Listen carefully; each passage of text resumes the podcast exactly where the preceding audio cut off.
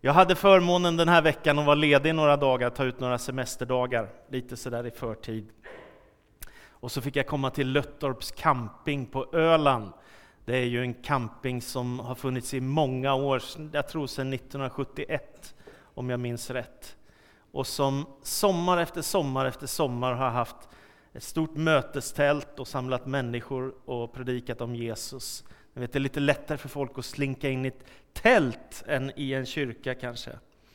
Eh, och där hade jag förmånen nu då, att få vara med och predika, ha bibelstudier och så. Men det finns inget tält kvar, utan vi körde under bar himmel nu. Ni vet, det är dyrt att hålla igång sådana här grejer, så det var en häftig upplevelse. Så är det. Och roligt också för mig att komma tillbaka, därför att i min barndom så åkte vi varenda sommar, hela min uppväxt, till Öland. Min pappa han jobbade stenhårt, han var företagare och han sålde musikinstrument, framförallt flyglar och pianon. Hade först sin musikfirma i Kalmar och sen i Stockholm i Sundbyberg. Och han jobbade hårt. Sen tog han två månader ledigt på sommaren. Så från midsommar typ till 20 augusti, då var vi på Öland. Så att jag blev på gränsen till uttråkad ibland när vi var där så länge. Men som tur var hade jag ju världens mest livfulla kusin som kom och hälsade på och lite barndomsvänner från Stockholm som också kom och förgyllde min tillvaro. Och så fanns Löttorps camping där man kunde träffa massa ungdomar, det var härligt. Jag tänker tacksamt tillbaka på allt man har fått höra av evangelium från massa olika människor. Och för er som är lite äldre så kommer ni ihåg Stanley Sjöberg och Christer Lindberg kanske och ett antal andra sådana där som har predikat evangelium i vårt land. Och nu ska jag åka på semester, men innan det så ska jag få ha en sista predikan, det känns också bra. Vi kommer flyga till Thessaloniki imorgon. Min frus familj kommer ju ifrån Grekland och vi ska vara där i nästan tre veckor på semester. Men vi ska också besöka vår systerkyrka Apostolic Church of Thessaloniki. Vi har ju jobbat så mycket med flyktinghjälp tillsammans, vår kyrka och deras kyrka, för att hjälpa människor i nöd.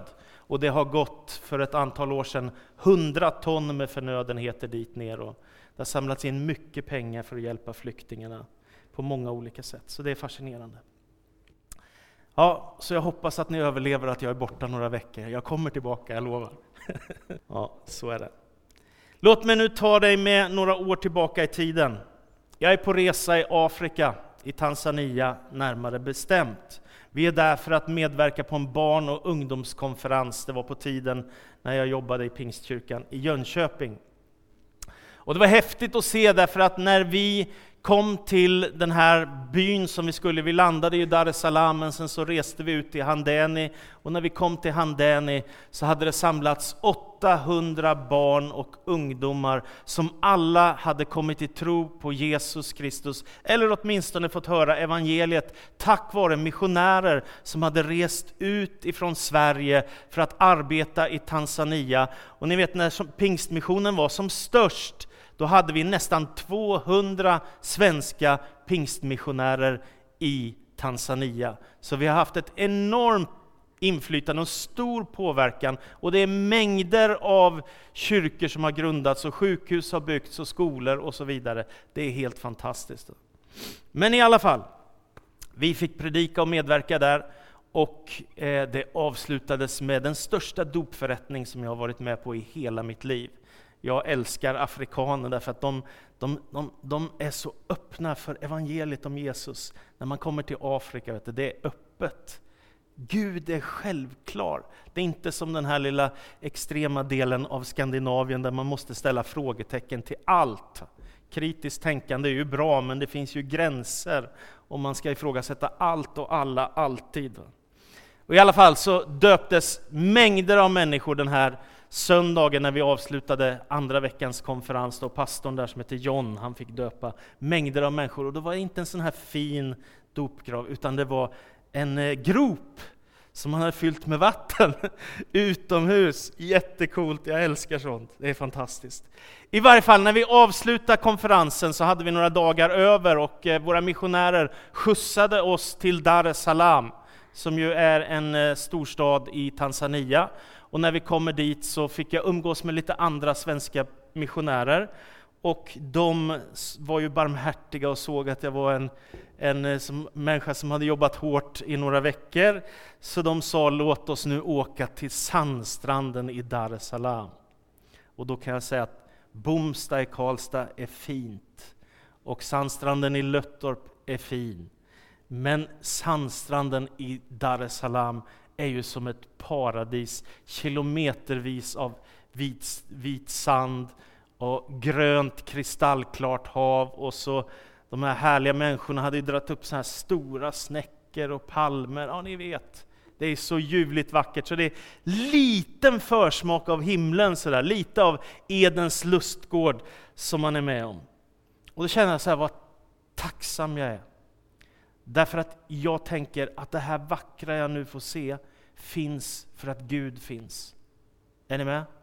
Alltså det är inte bara så, åh vilken fin naturupplevelse, utan jag ser Gud bakom allt jag ser. Är ni med? Alltså det är som en, det är som en återspegling av Guds härlighet, att få se något av det där. Va? Och på något sätt är det en liten skymt av paradiset som väntar oss. Paradiset, himlen, den nya himlen och den nya jorden. Den här sommaren har jag också läst en bok av Harry Monsus.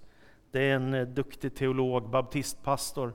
Han har skrivit en bok som heter Sången om livet, om pilgrimsfolket och jordens framtid. Och så dök jag på ett citat som jag tyckte var så fint. Lyssna. Människans rikaste stunder är när vi delar denna Guds glädje över det myllrande livet i naturen.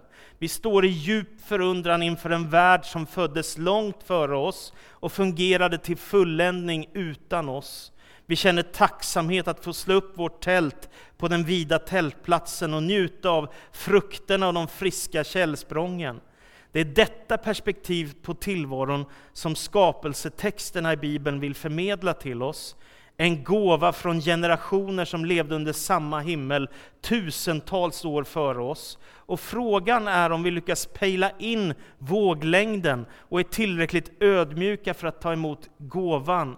För de här skildringarna vill föra ut sitt folk under de höga valven för att uppleva musiken en stjärnbeströdd österländsk natt och i vår tid när livet står på spel räcker det inte att begripa, nej vi behöver gripas. Så bra skrivet, alltså. så bra sagt. Det vill säga, när du nu i, i sommartiden kanske får lite extra tid, om du nu har sommarlov eller semester eller du är pensionär och kan gå ut i naturen och se allt det där vackra, så kan ju dina tankar gå lite längre till än att vad fin den här sandstranden är. Eller vad underbart det är att sitta och titta ut över Vänern eller Klarälven, eller vad fint det är att få grilla här vid stranden, eller vad det nu är du är med om. Så tänk den där tanken som Joel sjöng, jag ser Gud bakom allt jag ser. Och helt plötsligt är det som att himlen öppnar sig och vidderna vidgar sig. Va? Alltså här är inte bara något som existerar och finns till, utan det här är en återspegling av Guds härlighet och helighet och kärlek. Och om du då tycker att ja, men det, här, det här har jag hört förut, så låt mig bara säga då att vi lever i ett gigantiskt universum. Vintergatan som vi finns i innehåller antagligen uppemot 200 miljarder stjärnor. Är du med? Vi lever i ett gigantiskt universum. Och diametern på, detta, på denna vintergata är 100 000 ljusår enligt forskningen. En av stjärnorna kallas för solen. Den är lite viktig, eller hur? Den befinner sig på 28 000 ljusår ifrån Vintergatans centrum. Och solen är 1,3 miljarder gånger större än jorden som vi finns på. Varje sekund så förvandlas fyra miljoner ton solmateria till energi. Och bara två miljarddelar av den energin når vår planet. Men det är tillräckligt för allt liv på jorden. Visst är det fantastiskt? Det tar åtta minuter för solens ljus att nå vår planet Och vet du hur lång, hur lång väg det är? Det är 15 miljoner mil på åtta minuter. Det är ju helt fantastiskt. Va? Och sen så säger forskningen att bortom Vintergatan så räknar man med att det finns uppemot 150 miljarder andra galaxer. Och tänker, hur kan detta finnas till?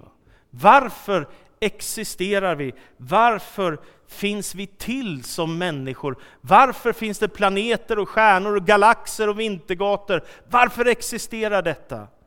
Och den kristna tron har alltid sagt, därför att Gud finns.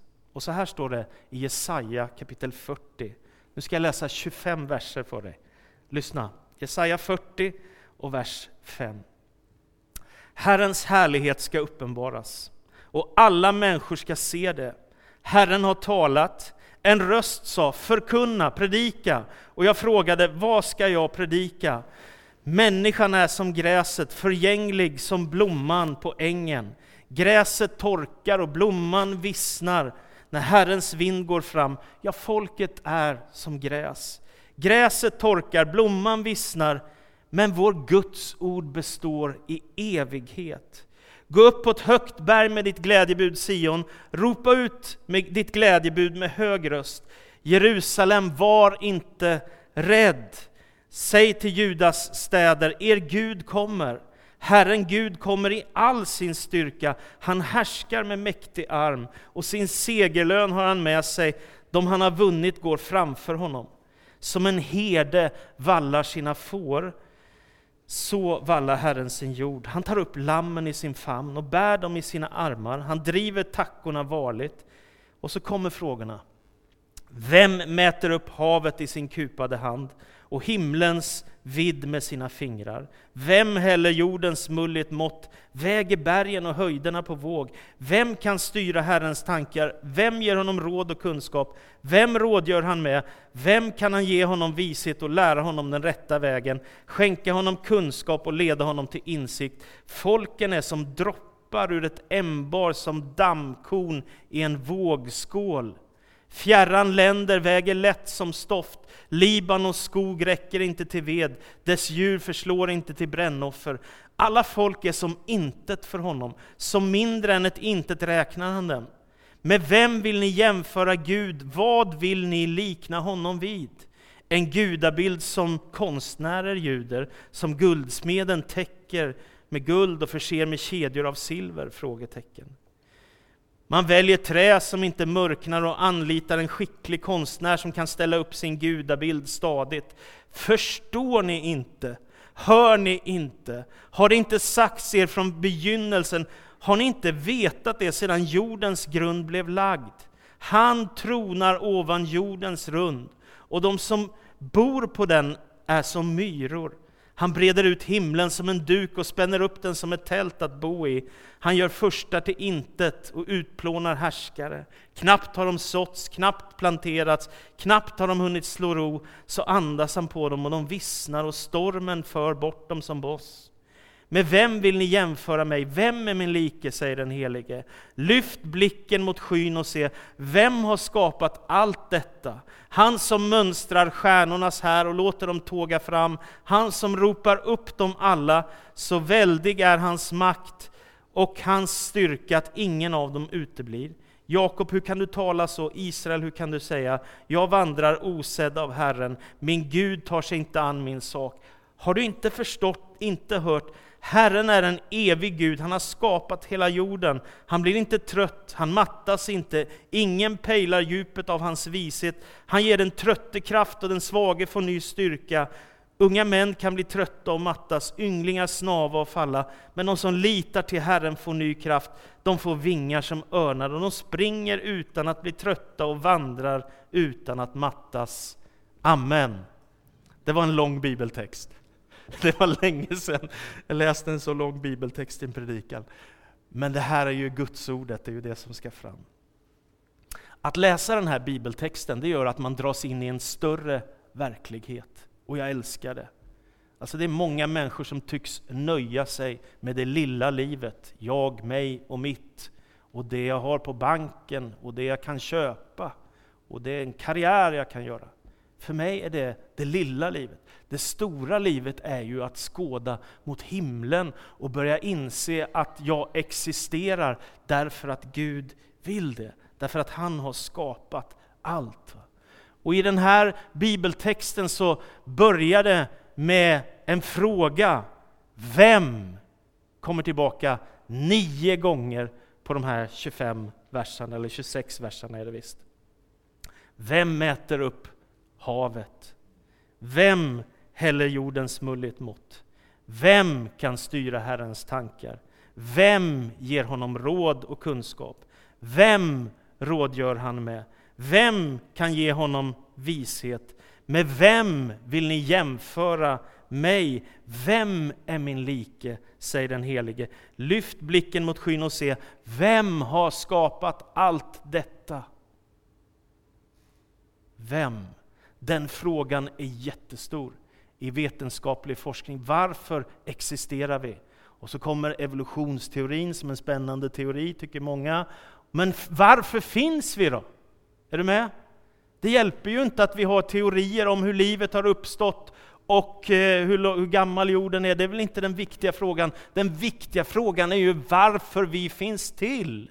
Eller hur?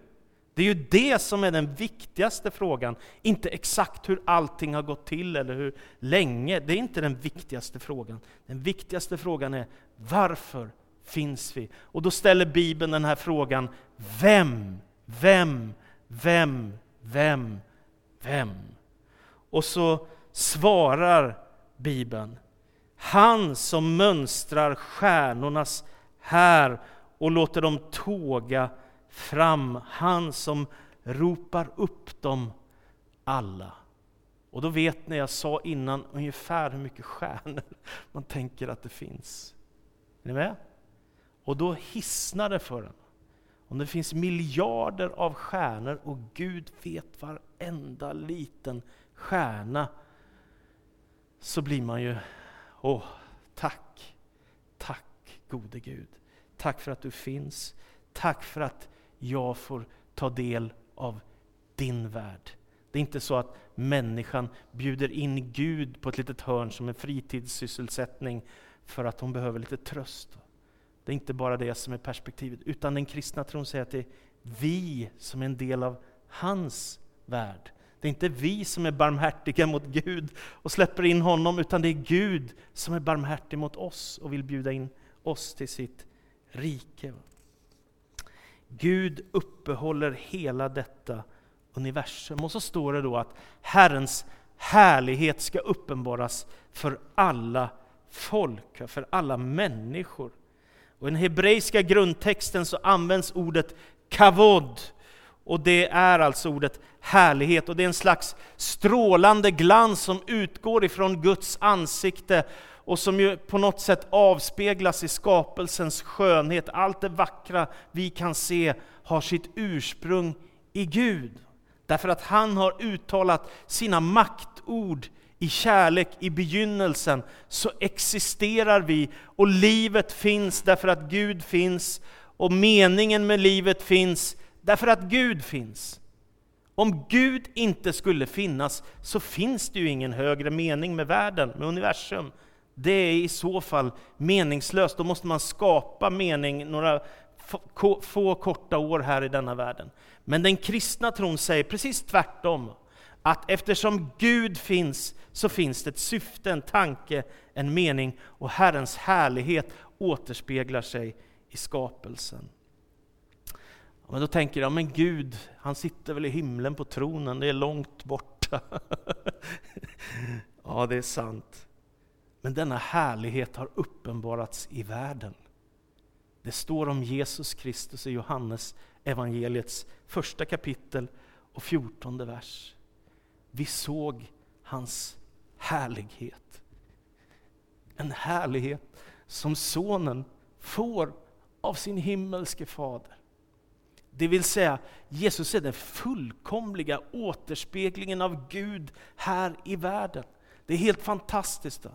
Därför tänker jag, jag vet inte om du har varit i Jerusalem, men när jag vandrar på gatorna i Jerusalem så tänker jag, här har Jesus gått, Guds son. Och för mig är det, wow! Wow! Här har Gud kommit till oss och så har han uppenbarat sin härlighet. Och då kan man tänka, hur är Gud när han uppenbarar sin härlighet? Det måste vara förfärligt med vår synd och ondska och allt och han är så helig och ren och härlig och allt detta. Ja, det kan det vara och samtidigt är ju Gud så barmhärtig. Tänk att Gud som blir människa, Jesus Kristus, när han möter en äktenskapsbryterska säger Inte heller jag dömer dig. Vad många människor det är som dömer varandra, eller hur? Vi dömer så lätt varandra. Det sägs så mycket elaka ord på sociala medier, eller hur? Så mycket elakt, så mycket av domar. Och Jesus, Guds son, syndfri, helig, han dömer inte. En av de mest kända evangelisterna på 1900-talet i Karlstad och i Sverige och Norden för övrigt, han hette Frank Mangs. Och Frank Mangs han hade sina rötter i Finland.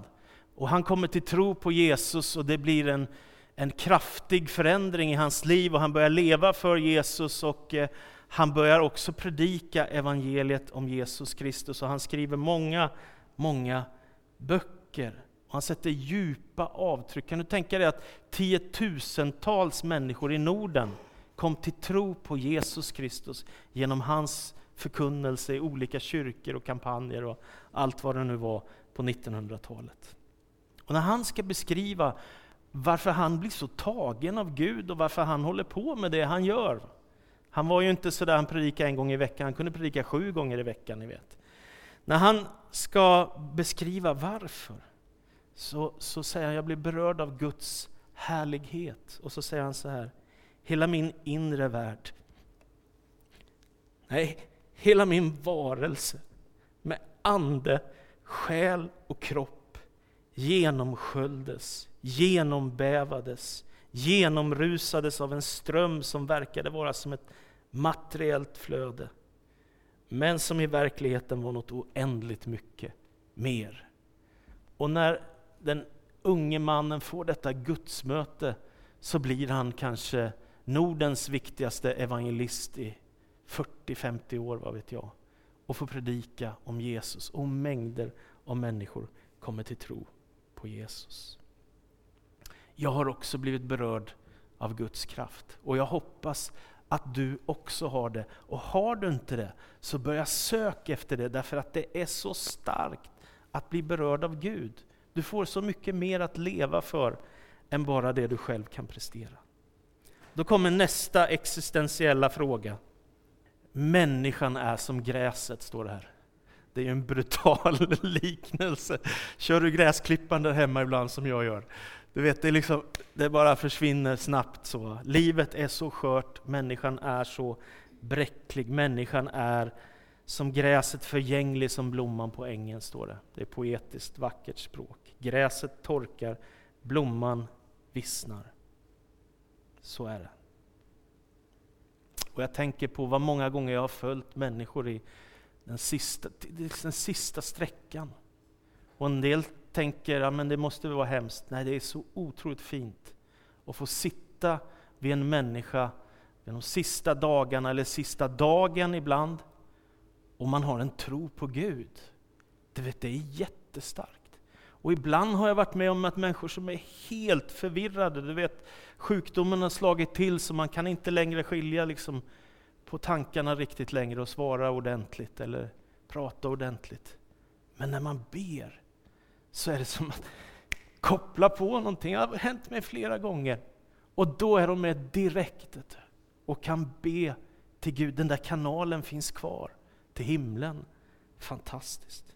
Människan är som gräset. Jag har ibland mött människor som säger ah, jag tror inte på Gud, jag tror på mig själv. Då tänker jag så här, vad en naiv tanke, det är fint i och för sig att tro på sig själv.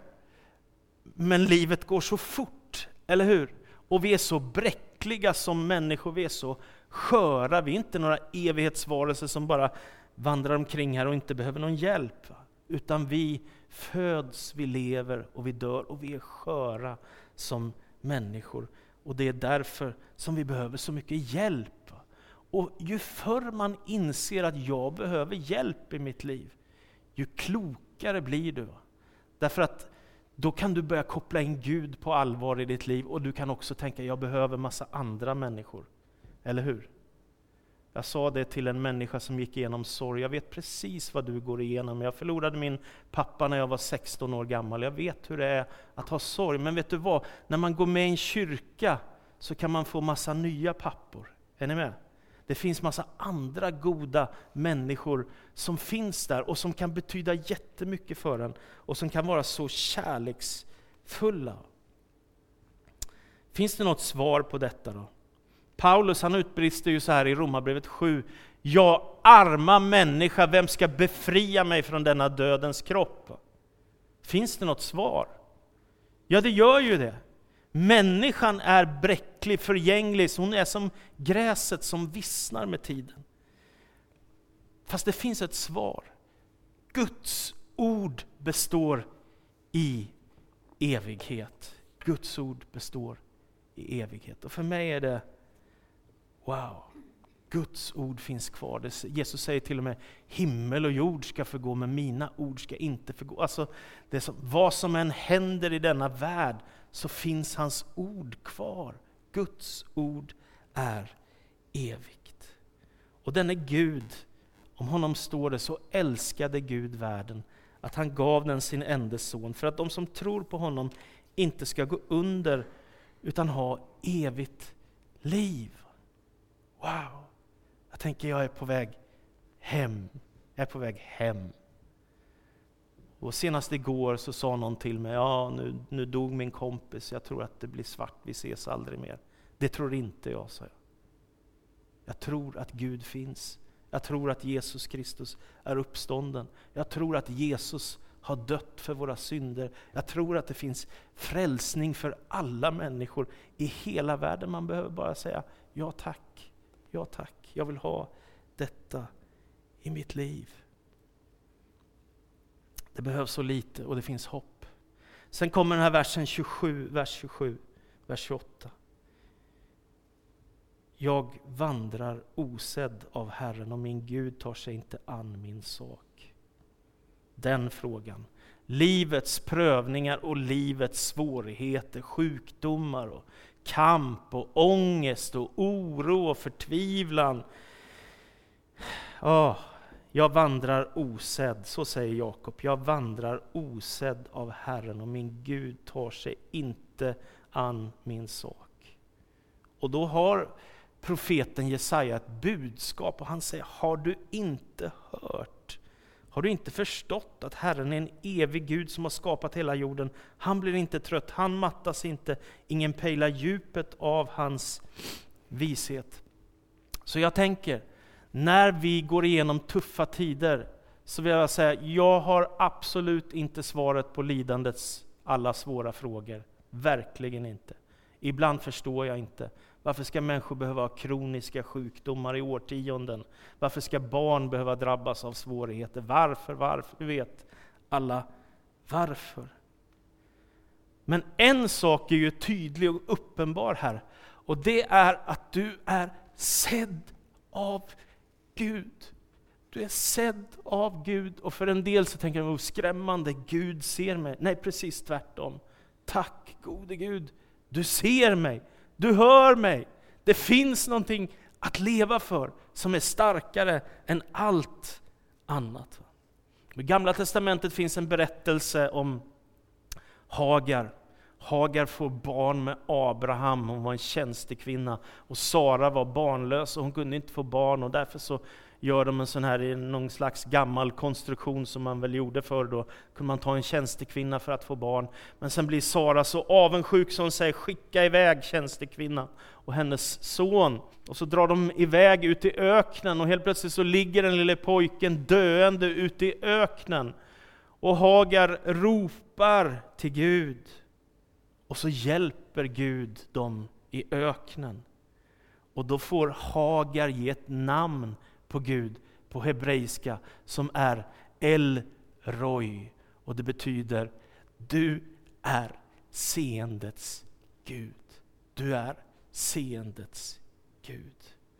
Jag har inte svaret på alla frågor kring lidandets mysterium och lidandets prövningar. Jag har inte det. Jag bara vet att Gud finns och han är med oss och ser oss. Och för mig så är det en sån enorm tröst. Och ibland så gör han också under. Och det är väldigt tröstande också. Jag var och predikade i Stockholm på en tv-kanal som heter Vision Sverige. Och hon som ledde den kvällen, hon berättade för mig, min mamma var så sjuk att vi trodde att hon skulle dö. Och sen så kommer de på ett möte på en konferens i Stockholm. Och den som predikar har ett profetiskt budskap. Det är första gången de går in i den kyrkan någonsin. Och ett profetiskt budskap rakt till den här kvinnan. Och så får de be för henne och så blir hon frisk. Och hon lever fortfarande, det är många år sedan. Fantastiskt. Ibland händer också under. Och så står det också om att Gud följer oss dag för dag. Hemma på vårt kylskåp så har jag fotspår i sanden, en liten skylt. Där är det fötter och sen står det under tider av svårigheter när du bara kan se ett par fotspår, då bar jag dig. Det finns en klassisk berättelse om en man som drömde en dröm att han gick längs med en strand och vandrade och så ser han två par fotspår och ett av fotspåren är Guds och ett är hans. Och sen så går han igenom en väldigt, väldigt tuff tid och helt plötsligt så är det bara ett par fotspår. Och då så säger han i drömmen, Herre du sa att du skulle följa mig och inte överge mig utan gå vid min sida hela vägen. Men jag har märkt att under de svåraste tiderna i mitt liv så är det bara ett par fotspår. Hur kunde du överge mig? Och det är då som Gud svarar i drömmen. Mitt barn, jag älskar dig och jag skulle aldrig lämna dig. Under tiden av prövningar och lidande när du bara såg ett par fotspår, det var då jag bar dig. Och så tänker jag att den kristna tron gör med oss. Så tron på Gud, Gud finns där, han älskar oss. Vi har inte svaret på alla frågor, men han bär oss och han ser oss. Och tänk bara att få smaka på det. Herre vände sitt ansikte till dig och ger dig av sin frid. Tänk, Gud Gud ser det. Till slut, vers 29-31. Han ger den trötte kraft och den svage får ny styrka. Unga män kan bli trötta och mattas, ynglingar kan snava och falla, men de som litar till Herren får ny kraft, de får nya vingfjädrar som örnar. Det är fantastiskt. Man kan bli sjuk, man kan bli trött, man kan bli ledsen, man kan bli nedstämd, man kan drabbas av oro, man kan drabbas av ångest, man kan drabbas av sjukdom, man kan drabbas av prövningar i familjen, i äktenskapet, i relationen. Ni vet, det finns ju ingen gräns för hur mycket svårigheter man ibland kan hamna i. Och då finns det en profetisk bild här av en örn som är väldigt, väldigt vacker. Ni vet fåglar, de byter ju ut sina vingfjädrar. När fjäderdräkten börjar bli för sliten, då växer det ut nya fjädrar. Det kallas för ruggning. Nu är jag på farlig mark, jag kan alldeles för lite om det här. Men under ruggningen hos vissa fåglar så lossnar väl alla fjädrar har jag förstått, och då kan de inte flyga som vanligt. Men för örnar så sker det cykliskt, va? Så man, man, man tappar en och annan fjäder och sen så växer det ut nya hela tiden, om jag har förstått det rätt. I varje fall står det så här i en bok som heter Rovfågelsguiden. De skandinaviska kungsörnarna ruggar endast delar av fjäderdräkten varje år. Detta innebär att dräkten, utom hos juvenila fåglar, innehåller fjädrar av flera årsklasser. Örnar i sin fjärde dräkt har till exempel ofta vingpennor av fyra årsklasser. Jag tycker det var häftigt. Alltså en del fåglar ruggar bort allt. Men örnar, de har kvar en del gammalt. Och så kommer det nytt och så kommer det i fjärde. Liksom. Alltså, ni med, det är fascinerande. Och så säger profeten, om du nu blir trött, har du inte hört att Herren är en evig Gud och han kan ge den trötte ny kraft. Och örnar får nya vingfjädrar och så kan de ta sig fram igen. Och så säger profeten, den som litar till Herren får ny kraft. Den som litar till Herren får ny kraft. Så när du ser på skapelsen som avslutning så ska du tänka på, jag ser Gud bakom allt jag ser. Amen. Tack Jesus Kristus för din innerliga godhet. Tack för din barmhärtighet, tack för din frälsning, tack för ditt hopp. Tack för livet som du skänker oss. Och jag bara ber om välsignelse för oss nu i avslutningen av vår gudstjänst, Herre, när vi ska lovsjunga och ge tid för bön och förbön. Herre, tack för att din kärlek är uppenbarad och din godhet och nåd finns här. Och vi kämpar som människor, men du är trofast och du överger oss aldrig. Tack för att du hör bön. Amen.